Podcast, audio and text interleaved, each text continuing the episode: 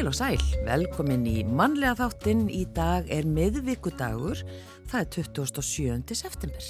Já, og þennan dag, árið 1264, Þórður Andrésson, góðordsmaður á völlum á Rángarvöllum, var vegin af mönnum Gissurar Þorvaldssonar Jarls.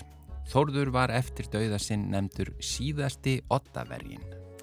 1922 uh, fyrsta íslenska myndin fór í dreifingu í Reykjavík og það voru 10 öyrar og 25 öyrapeningar. Krónupeningur var ekki slegin fyrir árið 1925. Já, nú er myndin bara nánast komin úr, um, úr umferð. Já, Þetta nánast. Tekið, já, þetta tekið bara 100 ár. Það er ekki einu, bara minna en það.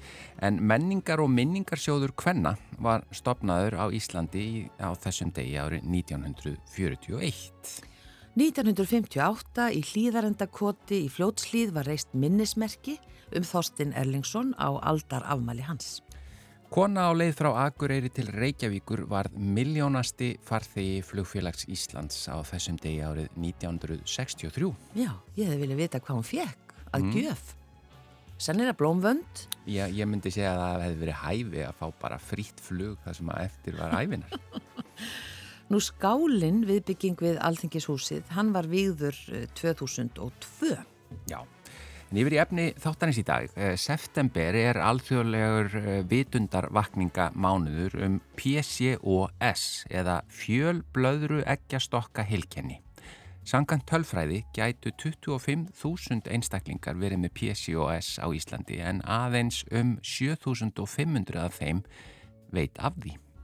Hilkennið er innkirtla röskun sem veldur óreglu á hormónakerfi líkamanns og Guðrún Rúdstóttir formaður PCOS samtaka Íslands. Hún ætlar að koma í þáttinn eða verði með okkur hér eftir nokkra mínútur og ætlar að fræða okkur meira um bara PCOS og hvað þarf að hafa í huga til dæmis í sambandi við greiningu og enginni og annað.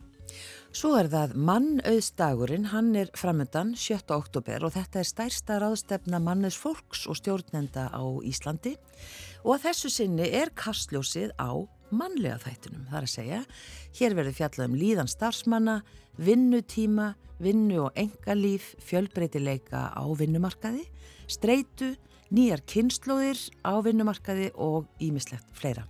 Og við ætlum að ræða við þau Adriánu K. Pétursdóttur, Hún er formaður mannauðs og svo er það Helgi Híðinsson sálfræðingur sem situr í stjórn mannauðs.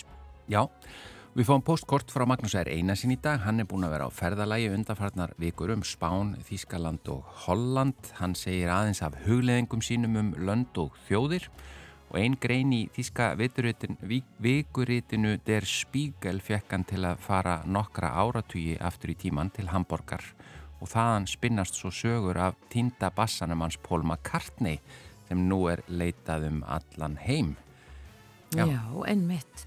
En við hefjum leik á okkar eigin Oslo, titila þeirrar kvikmyndar, þetta er e, Valdimar Guðmundsson og Memphis Mafian, lagið eftir Helga Svavar Helgason og Bræi Valdimar Skúlason samt í textan og það má eiginlega segja að svona Valdimar hafið skotið upp á stjörnuheimin e, í þessu lagi. Já, þetta er eitt af þeim lögum. Eitt af þeim svona lögum, akkurat. Já.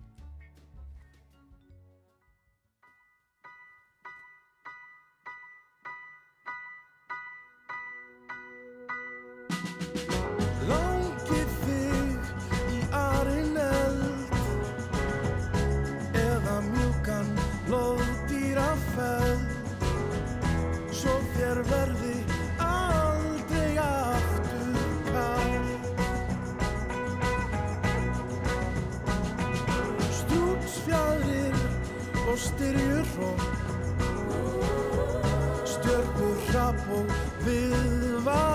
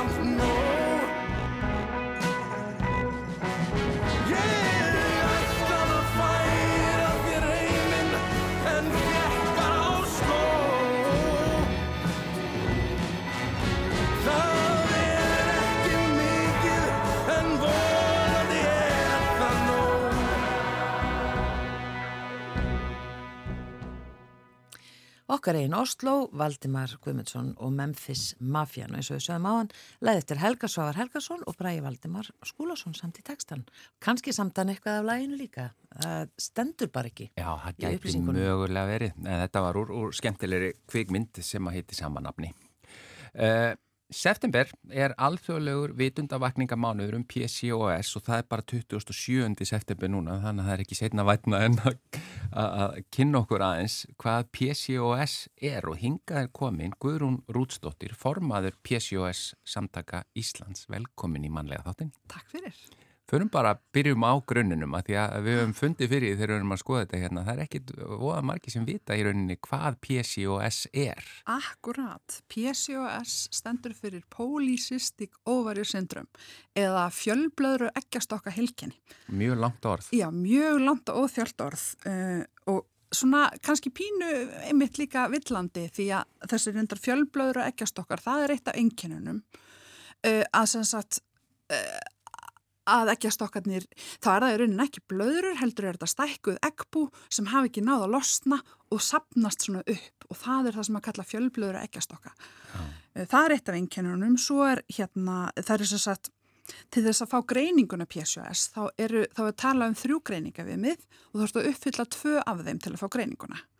Og eitt af þeim er þá þetta, fjölblöður ekkjastokkanir. Já, Svo er það óreglulegu tíðarhingur og þriðja er hérna hækku karlhormon og að, það er bæði þetta mæli í blóðpröfu en líka svona einkenni eins og hérna hárvöxtur annar staðar heldur en að hári, hárlós á höfði, uh, hérna húð uh, vandamáli eins og uh, akne, svona úlingabólur það er svona, já, þannig er, þetta eru þessi þrjú aðalgreininga viðmið og svona stærstu einkennin líka á PCOS. Og, talandi um greiningu, Já, að þá bara samkvæmt e, tölfræðinni, þá er nú bara talsið stór hópur sem er ekki greindur, sem að e, útskýra aðeins þessa tölfræði. akkurat, sko, alþjóðlega hérna helbriðisstofnunin, hú, eh, sem sagt gaf út þar tölur núna nýlega að 8-13% hvenna séum PCOS uh, og þaraf eru 30% búin að fá greiningu og 70% vita ekkert af því.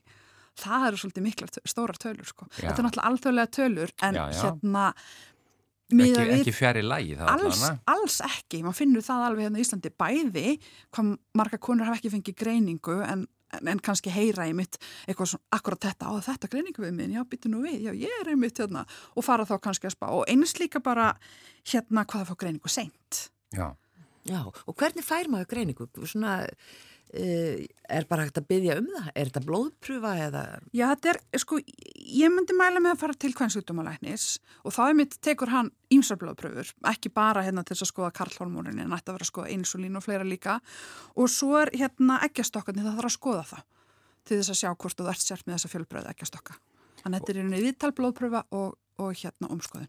Og PCOS er ein algengasta orsök ófrjósemi hjá konum og, og uppgötast þá kannski vantarlega ekki oft fyrir en að það er að koma í ljós. Akkurat, ef það uppgötast þá er það í rauninni þá, myndi ég segja svona, fyrir flestar konur er það þannig, sko. Já, að því að enginnin hinn sem þú nefndir áðan þau kannski eru þannig að maður er ekkit endilega að hugsa þetta eða hvað? Nei, ef, maður veit, ef maður veit ekki betur sko, þá er maður Já. ekkert að spá í veist, þá bara þjáist maður í hljóði því þetta er ekkert eitthvað sem maður er að ræða kannski of mikið að maður, þú veist, þurft að plokka hára á hökunni eða bara, þú veist, vaksa efrivörina eða hérna stanslust að berjast við bólur og allt þetta skiljiði, þannig að það er kannski, já, kemur í ljós þá í rauninni bara þá og þá er líka allir fókusin á að hjálpa mann eigna spöld En sko, þú veist, þetta eru einkennin sem eru náttúrulega mjög kvimleið, en svo er það afleðingarnar. Það eru svo, eru svo margir áhættu þettir, uh, tengdir þessum einkennum, sko. Og það er rauninni það sem við viljum fyrirbyggja Mm Já, með því, með því að fá greiningu snemma, sko. Já, akkurat. Og hva- hverjar eru áhættirnar? Það er hérna Sikursíki 2. Það er talið, það er talið að alltaf 80-90% kvenna með PSOS uh, séu hérna með uh, insulín viðnám sem þýðir það að hérna uh, frumundar okkar er ekki að svara þe- þegar, við borðum, borðum mat þá hækka sigurinn í blóðinu insulínið á að hérna, uh, þá, þá, sleppum við- þá hleypum við út insulínið sem á að sem sagt, opna viðtaka á frumunum til þess að hleypa sigurinnum inn. Og þeir virka ekki droslega vel hjá alveg 80-90% hvernig með PSOS og þetta, það þýðir að við þurfum alltaf að framlega meira og meira insulín og endanum þá hættir líka mann að geta framleitað insulín og þá fær maður sig tvö og þannig að þú veist, þetta, þetta ég hef sko heyrt tölur að alveg 50% hvenna við ferdugt séu komna með eru tölur sem sem, eru með heyrt sko. PCOS, já. já, sem eru með PSOS Já. það eru tölur sem ég hef heyrt, ég, er, ég veit ekki alveg hvaðan það koma en ég vil kannski ekki alveg Já, já, en þetta er allavega, þetta er mjög algengt tvö já, Svo er það hjert og hæðasjúkdómar, krabba í legslímu og ádraskanir, þunglindi, kvíðaraskanir. Þetta er all hluti sem hægt er að fyrirbyggja. Sko. og sem er hægt er að rekja til PCOS Já, eða hvað? já. eða ert í hærri áhætta Þú ert í stóraukinni hægt að fá, að fá þessa fylgikvilla. En hvað er hægt að gera? Er, er einhver, einhver meðferð eða lækning í bóði? Það er, það er ekki, það er ekki að læknast af PSOS, Nei. en það er hægt að gera ímislegt til þess að minga enginni og bara, já, það er hægt að gera ímislegt til að minga enginni og það fer bara rosa mikið eftir þínum enginnum hvað er þetta að gera, en það er hægt að, að hérna, náttúrulega hjálpa manni með, við aukin hárvöxt og bólur og svo framvegis með ýmsum hormónum og öðru, en svo kannski eitt að mikilvægast að er að passa upp á blóðsökurinn og það hefur verið mjög algeng mýta að bara, hérna, þú mátt aldrei borða kolvetni eftir í lífinniðinu og hérna, það virkar ekkert rosalega vel, ég, veist, það er óraunhæft. Og þar á ekki, þá er bara kolvetni ekki það vesta í öllum heiminum, sko. Þannig að, hérna, en það, þú þort að stjórna mataræðinu og það eru líka til líf til þess að hjálpa uh, við að halda sig, sigrinum góðum Mm. uh, Já, og ég meina, og líka þetta, þetta hérna, þú mátt aldrei aftur bóra kolvetni, uh, mjölkuvörur er ekki góða fyrir og listin er rosalega langur ef þú googlar, sko. Það líka, það ítur undir ádraskanir. Þannig að það er rosalega mikilvægt að koma rétt að þessu. Þannig að snemgreining, það er eiginlega kannski uh, mikilvægasta. Já, ég myndi segja það. það er, svo er reyndar talað um sko að hérna, það er svo mikið af þessum enginnum sem eru eðlilega á úlingsárunum. Þannig að ég held að sé ykkur svona þumabutta regla að 8 árum eftir að þú byrjar að fá blæðingar þá megu við greina þig. En það er að sjálfsögðu að fylgjast með fyrr, miklu fyrr. Og ef að PCOS hefur svona mikil áhrif á, á frjósemi eða ófrjósemi, er hægt að gera eitthvað til að hjálpa konum sem að, eh, eru með PCOS í sambandi við frjósemi? Algjörlega, það er náttúrulega bæði bara að huga réttu mataræði og passa blóðsykur og allt þetta. Já. Svo er náttúrulega bara frjósumis meðferðir. Uh, þið vitið, hérna, teknisæðing og erindar, það eru er líka lif hérna bara til þess að hjálpa til við eglós. Það er það er, náttúrulega, vandamálið mm.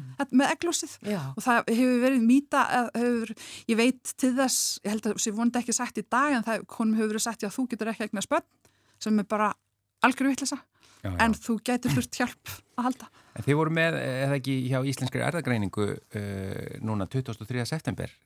Já, við vorum semst í Sali Íslenskar erðagreiningar með rástefnu. Já, hvað get ég gert? Já, Það er akkurat spurningin sem ég ætla að henda á því núna. Hva, hvað er hægt að gera fyrir þau sem eru úti og hlusta á þetta og vilja kannski kanna? Já, sko, fyrsta sem ég myndi gera ef ég, ef ég var í grunur um, um PSOS, það væri að fara til kvennsugdómalæknis og fá það staðfest, Já. staðfest. Sjá til þess að, að, hérna, að það sé tekinn blóðpröfa til þess að skoða hérna, hormonabúskapin og, og svo náttúrulega hérna, skoðun á, á ekkjastokkum. Já. Það er fyrsta til að Já. fá greiningu og svo fara það í rauninni bara rosalega mikið eftir enginum Svo ég myndi náttúrulega klárlega skrá mig í PSV samtök Íslands því við erum með alls konar uh, fræðslu fyrir lestra yfir árið og hérna getum, já, liðbynd ef á þarf að halda. Og það er þetta að finna bara inn á pcos.is Já, það er heimasíðan okkar, uh, hérna, það mætti, hérna, hún er kannski ekki alveg hérna upp á sitt besta. já, já. Við erum hérna dugleiri á samfélagsmiðlum, bæði, bæði á hérna Facebook og Instagram. Já, það er hægt að finna ykkur. Það er rætt að finna okkur, akkurat. Uh, Guðrún Rútsdóttir, formaður PCOS Samtaka Íslands, takk fyrir að koma í manlega þáttin. Við erum mörgunær. Frábært, takk fyrir.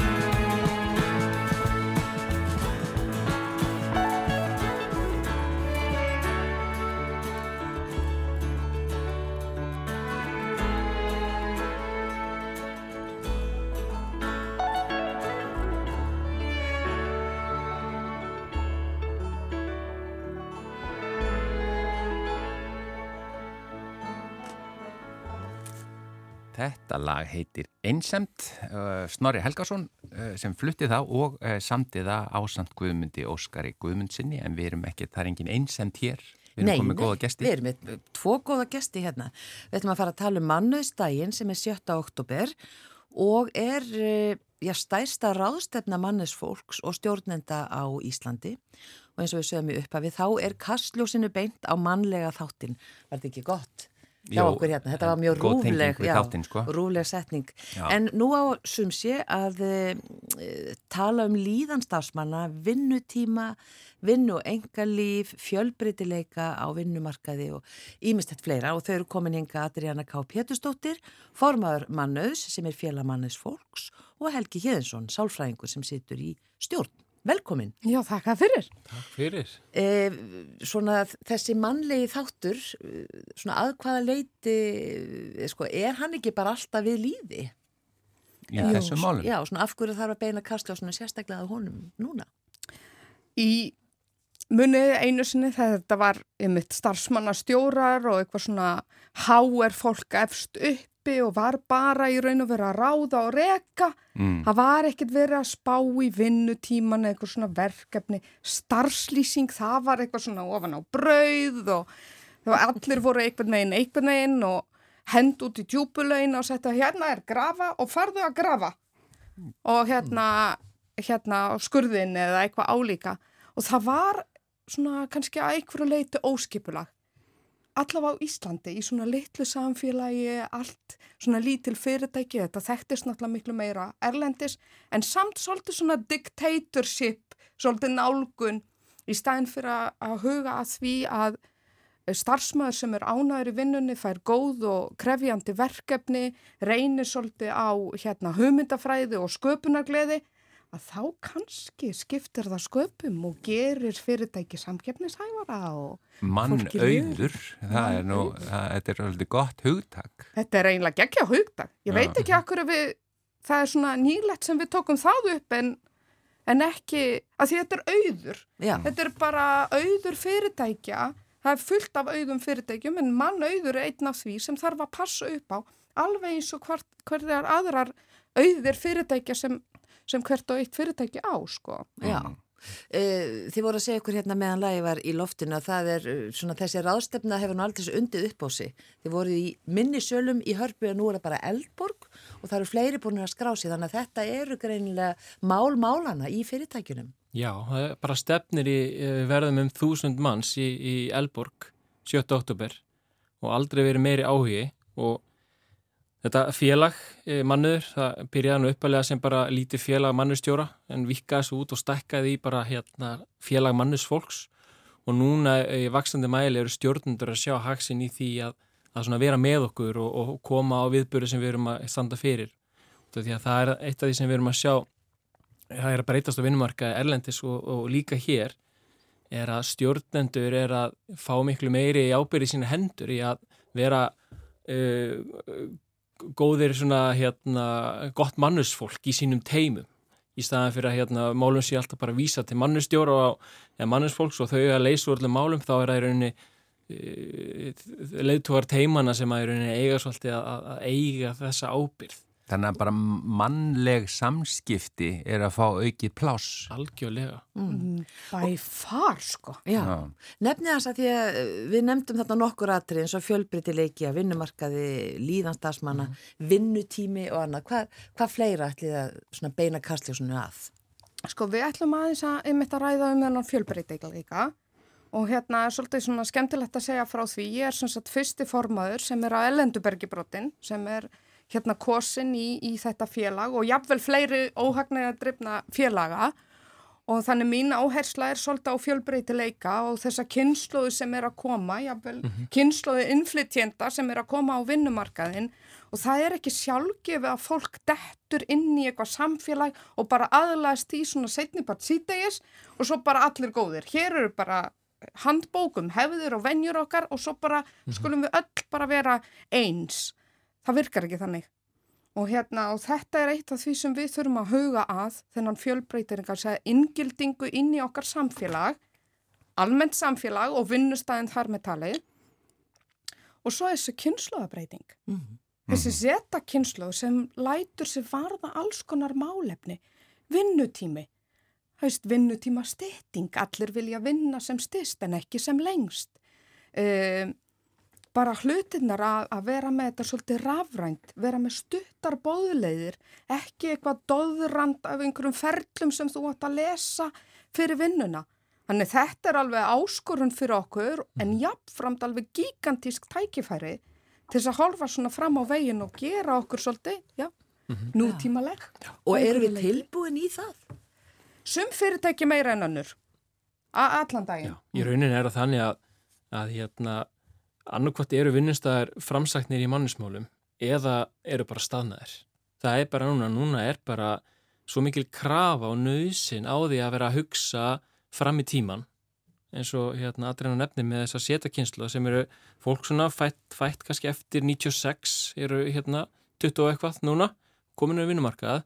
Og sama tíma hefur uh, fólk sjálfna verið eins lengi á vinnumarkað þannig að við erum komið vinnumarkað sem er rúmar margar kynsluðir og, og, og, eins og fólk hefur tekið eftir þá er hérna rosalega mikil hérna e, þróin í bara tæknin í ungum og hlutin er að breytast hratt. E, COVID kom og við þurftum einhvern veginn að breyta snú allir samfélaginu á, á kvolv á einhvern mjög skömmu tíma en samt geta halda upp í að núna er einhvern veginn alltaf gerast hraðar. Á sama tíma eru með marga kynslar og vinnumarka með ólíka þarfir.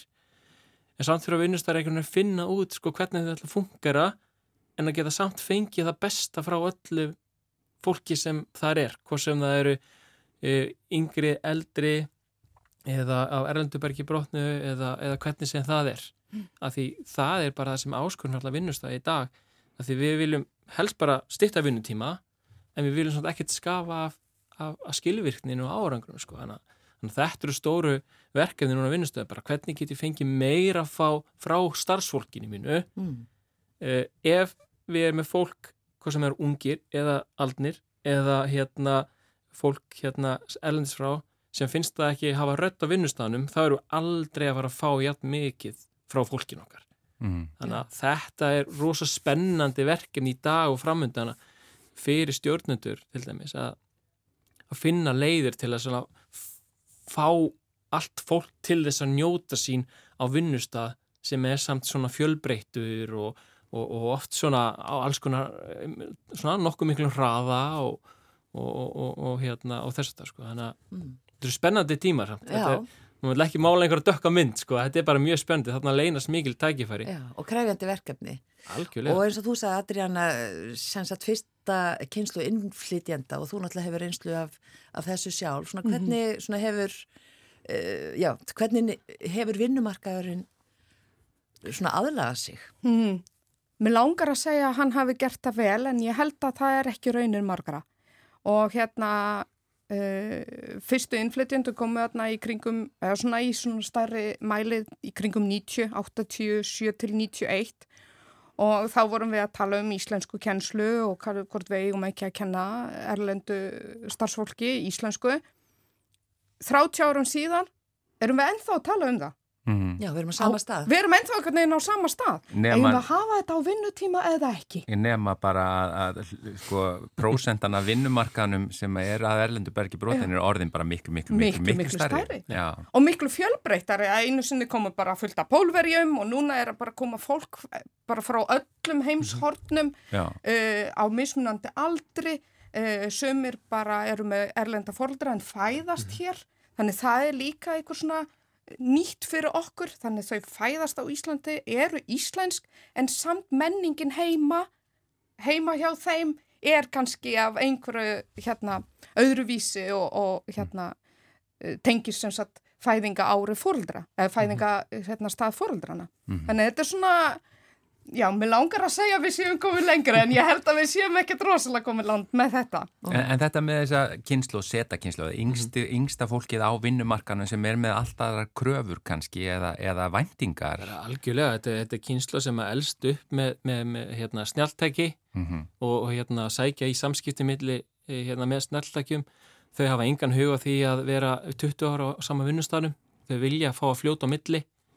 Uh, og þetta er auðvitað sem er vinnustæðar er að, reyna að breyðast við og sjá svona, eh, sjá hag í að þegar þú ræðir henni á vinnustaf og ert í ákveðinu teimi að veist, ákveður vera fastur í því teimi þegar þú getur líka myndað teimi sem er þvert á sem á að fara að vinna að einhverju ákveðinu hugmynd veist, en þá bara gamla formi bara, nei, þú ert náttúrulega í þessu teimi þannig að þú getur náttúrulega verið í þessu teimi öðru teimi Svo er þetta starfsfólki, það er samstarfsfólki sem er af eldri kynslu en sem hefur alltaf gert Já, já. hlutina á einhvern hátt og Já, já. er, getur verið erfitt að, að Já. hlusta þetta saman. Já, og það er bara, og það er í alvöru erfitt Ma, og má ekki hérna, hérna draga úr því, það er bara erfitt það er krefjandi fyrir mikið fólki þessar breytingar sem er í gangi Já, þó að geti lært og vaksi mjög mikið á sama tíma en þess vegna og þar kom, kemur mannesfólk rosalega stert inn í að sko hvernig breytingar eru gerðar, hvernig þar eru innleitar og hvaða fólk er dreigið að borðinu í því. Það þýr ekki bara að taka ákvörðun og,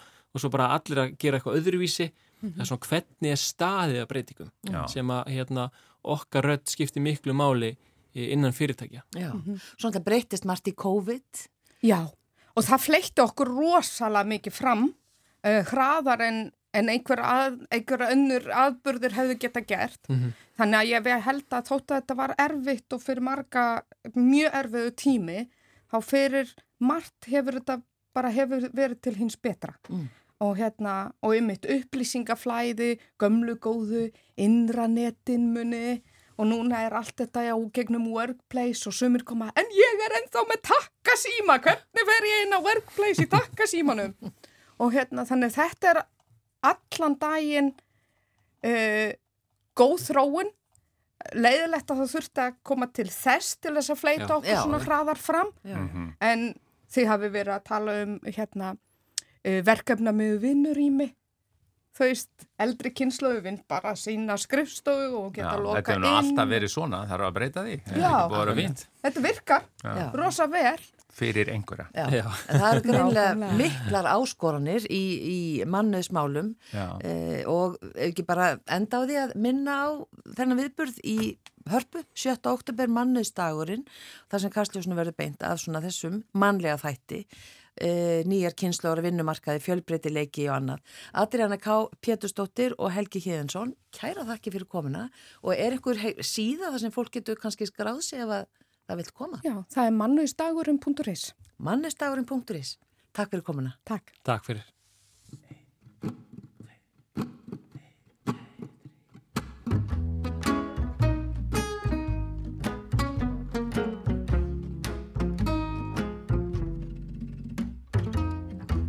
Er í sólarringnum við. Ég kúpla út í leitað frið Ég fer af stað nema nema hvað. Að finna logn í hver við bygg Rútínan hún tæmdi mig. Öll ábyrðinn og flækjustig. Og er það frá fúsar ykkur á Og loksu silt á hannu mig. Sólin er komin Og hún hliður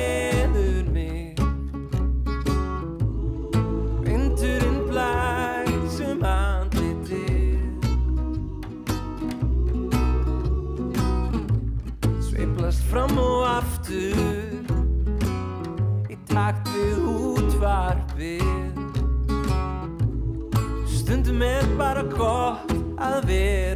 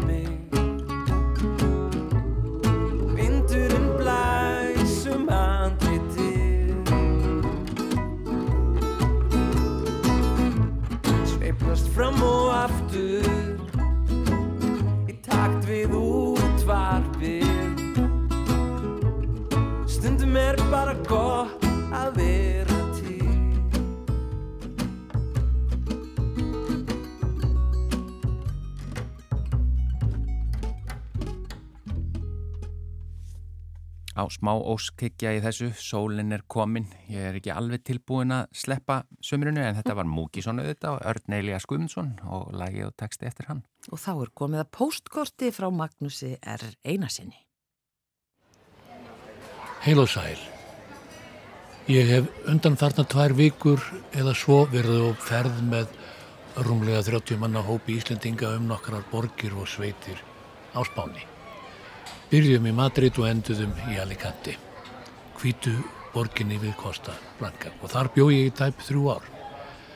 En ég kom þar fyrst fyrir 45 árum 1978, þá ungun maður og fátökur musikstudent. Flög beint frá London til Alicante og ég man maður svaf á ströndum, undir bátum eða hverju því sem gætt veitt skjól og algjörlega mállösu í framandi landi. En ég fór á puttanum frá Alicante til Granada, það var hægt á þeim árum. Ég fór til Granada til að fara í Alhambra-höllina sem er töfurum lík og einstök að fegurð. Og þegar ég var þarna á ferð fyrir næstum hálfur völd, þá voru engar byrjaðir til að skoða Hallarmannvirkin og hérna frægu garda sem þeim fylgja. Þá gæt maður ráfað um, sest og lesið í bók, haft með sér nesti og ég vil dottað undir treð þegar heitast var. En núna gegnur öðru máli.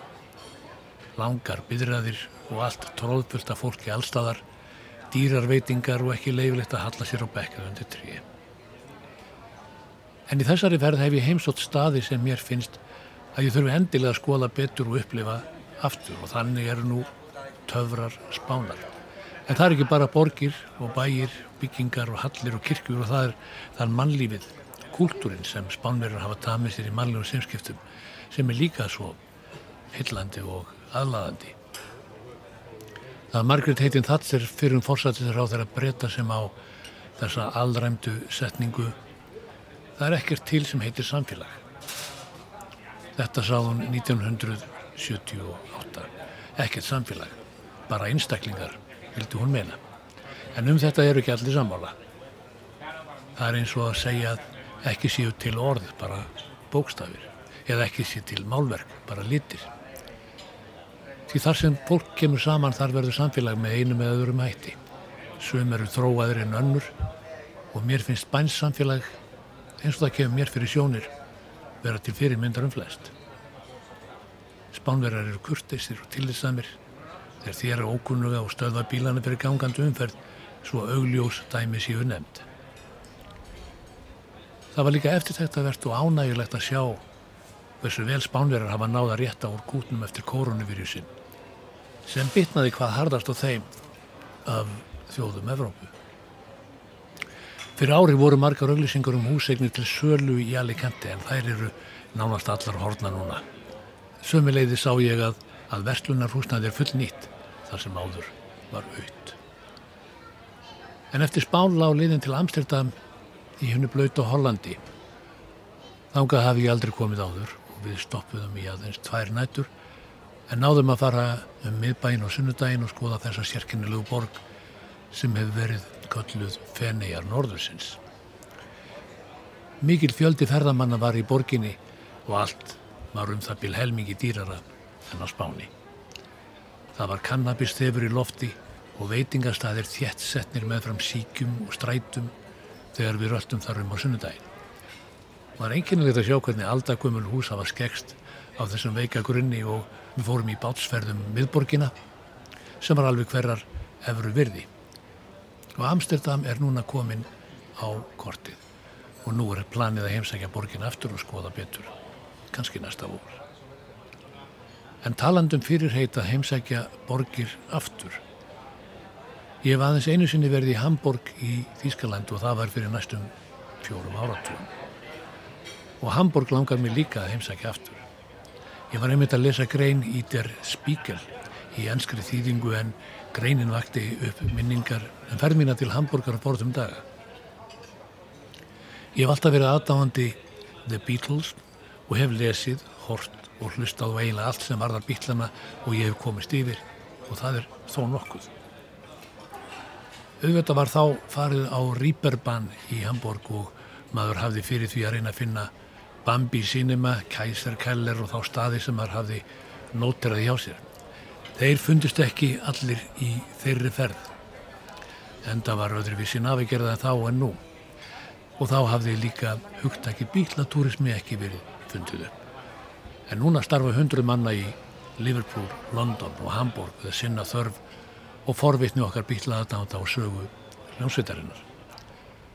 En þótt ég væri þarna á ferð aldarfjörningi síðar en þeir, þá var eitthvað við andrumsloftið stemninguna og þá ströyma sem engjana hverfi sem maður þóttist þekka af lýsingum bílana sjálfra á Rýberbann, strætinu og hverfinu. Maður tók strax eftir því að hljóðfari bílana báruð þýsk heiti og nöfn, Gretz, Rickenbacker, Höfner og Ludvig. Þótt hljómsettin hafi verið stopnuður Liverpool þá var hún til í Hamburg og allir í kjölfarið algjöri byltingu sem hún hafa áhrifum á komna tíð.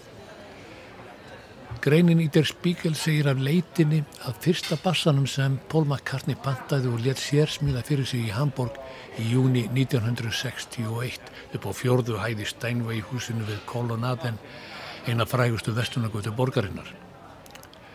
Höfner bassin var fyrir örfenda og á hann spilaði Paul allt fram til allt fram á haustið 1969 en bassanum var þá stólið einhver tíma þá ásamt fleiri hljóðfærum frá bílanum úr Abbey Road stúdíónu í London. En það var búist við því að sá sem er með bassan í sinni eigu núna verði nokkurum miljónum punda ríkari ákveð hann að selja hljóðfærið sem kostiði Paul McCartney 30 pund fyrir 62 ár.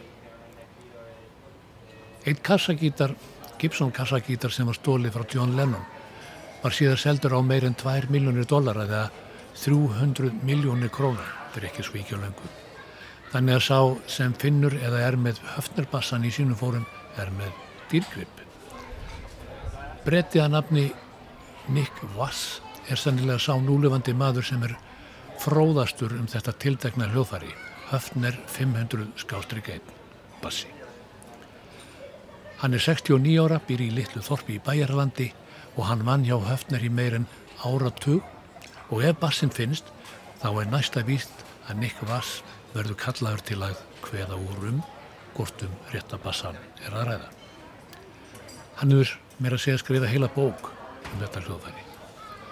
Der Spiegel segir að Nick Vass hafi hitt Paul McCartney í stúdíó fyrir skemstu og þeir spjalla heilmikið um bassaða sjálfsögðu og þar kom að í samtalenu að Paul spurði Vass hvort hann vissi hvar gamli höfnerbassin hans væri niður komin. Vass vissi það ekki og hafði ekki hugmynd en ákvað þá og þegar að stopna til leitar á netinu. Og það er óhætt að segja að svo leit hefur nú borið þann árangur að fjölmiðlar út um allan heim hafa sagt frá henni og netið hefur logað. Þetta er frétt sem allflestir aðdáðundur bílana stöðva við. Paul McCartney er 81 árs og hann spilar á 60 ára gamalt hljóðfæri sem er aðeins tveim árum yngra en bassin sem var stólið. Paul McCartney er einn auðuvasti tónlistamæður heims og hann geti kipt hvaða hljóðfæri sem er. En hann heldur tryggð við sín gömlu hljóðfæri og langar til að fá sinn fyrsta bassa aftur. Sína fyrstu ást, segir Der Spiegel í fyrirsögn frittarinnar. Tímariti segir ennfrömmur að höfnir 500 skástrygg 1 bassin sé metin á 1 miljard dollara eða 100 og 40 miljardar íslenskara króna. Höfnir 500 skástryggeinn er lítið hljóðfæri, bassin er léttur, það er þund í honum og næstum hægt að spila á hann eins og gítar en tónin er djúpur í átt að kontrabassa og Pól náði úr honum einstökum hljómi sem gerði sem gerði The Beatles frábröðuna öllum öðrum ljósutum hvað sound varðar. Nick Vass er nú með tvo rannsóknablaðamenn breska í liði með sér að finna bassan. Þeir eru með vefsíð á netinu thelostbass.com Þar er að finna álitlegt magn upplýsinga um bassan, myndir og frásagnir. Vass og teimi hans hafa borist fleira, já meirinn hundra áberdingar um bassan en enginn þeirra hefur til þessa reynst rétt. En fyrðu margir út um alla Evrópu sem og í bandaríkjónum hafa leitað í kjöllurum, upp á háalofti, út í bílskurum og snúið öllu við í leitað höfnirbassanum sem geti þá gert finnandan að miljardamæringi. Á síðunni thelostbase.com er fullirt að allar ábendingar séu teknar alvarlega og rannsakaðar í þaula. Eins og geta má næri þegar um svona risa uppæðir er að ræða þá úir nú og grúir af allskins eftirlíkingum að höfner 500 skástur í gegn bassan. Sumar listavel gerðar. En hinga til hefur hýður réttar hljóðfæri ekki ennþá fundist. Það er ekki vitað hvað varðum bassan eftir það honum var stólið. Menn eru ekki eins og sammála um hvaðan honum var stólið. Höfnerbassinn, hans Pól McCartney er á okkar samtíð, kannski eins og einn heila í Kaligur var á miðöldum. Feikaður af flinkustu listamönnum en orginalinn dýndur. Bestu kveðjur og góða stundir.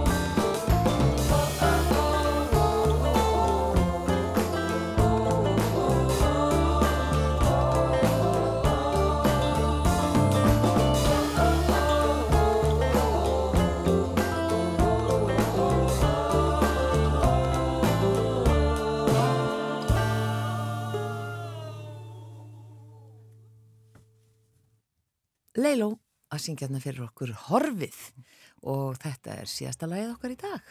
Já, uh, við verðum hér auðvitað aftur á sama tíma á morgun. Verðið sæl.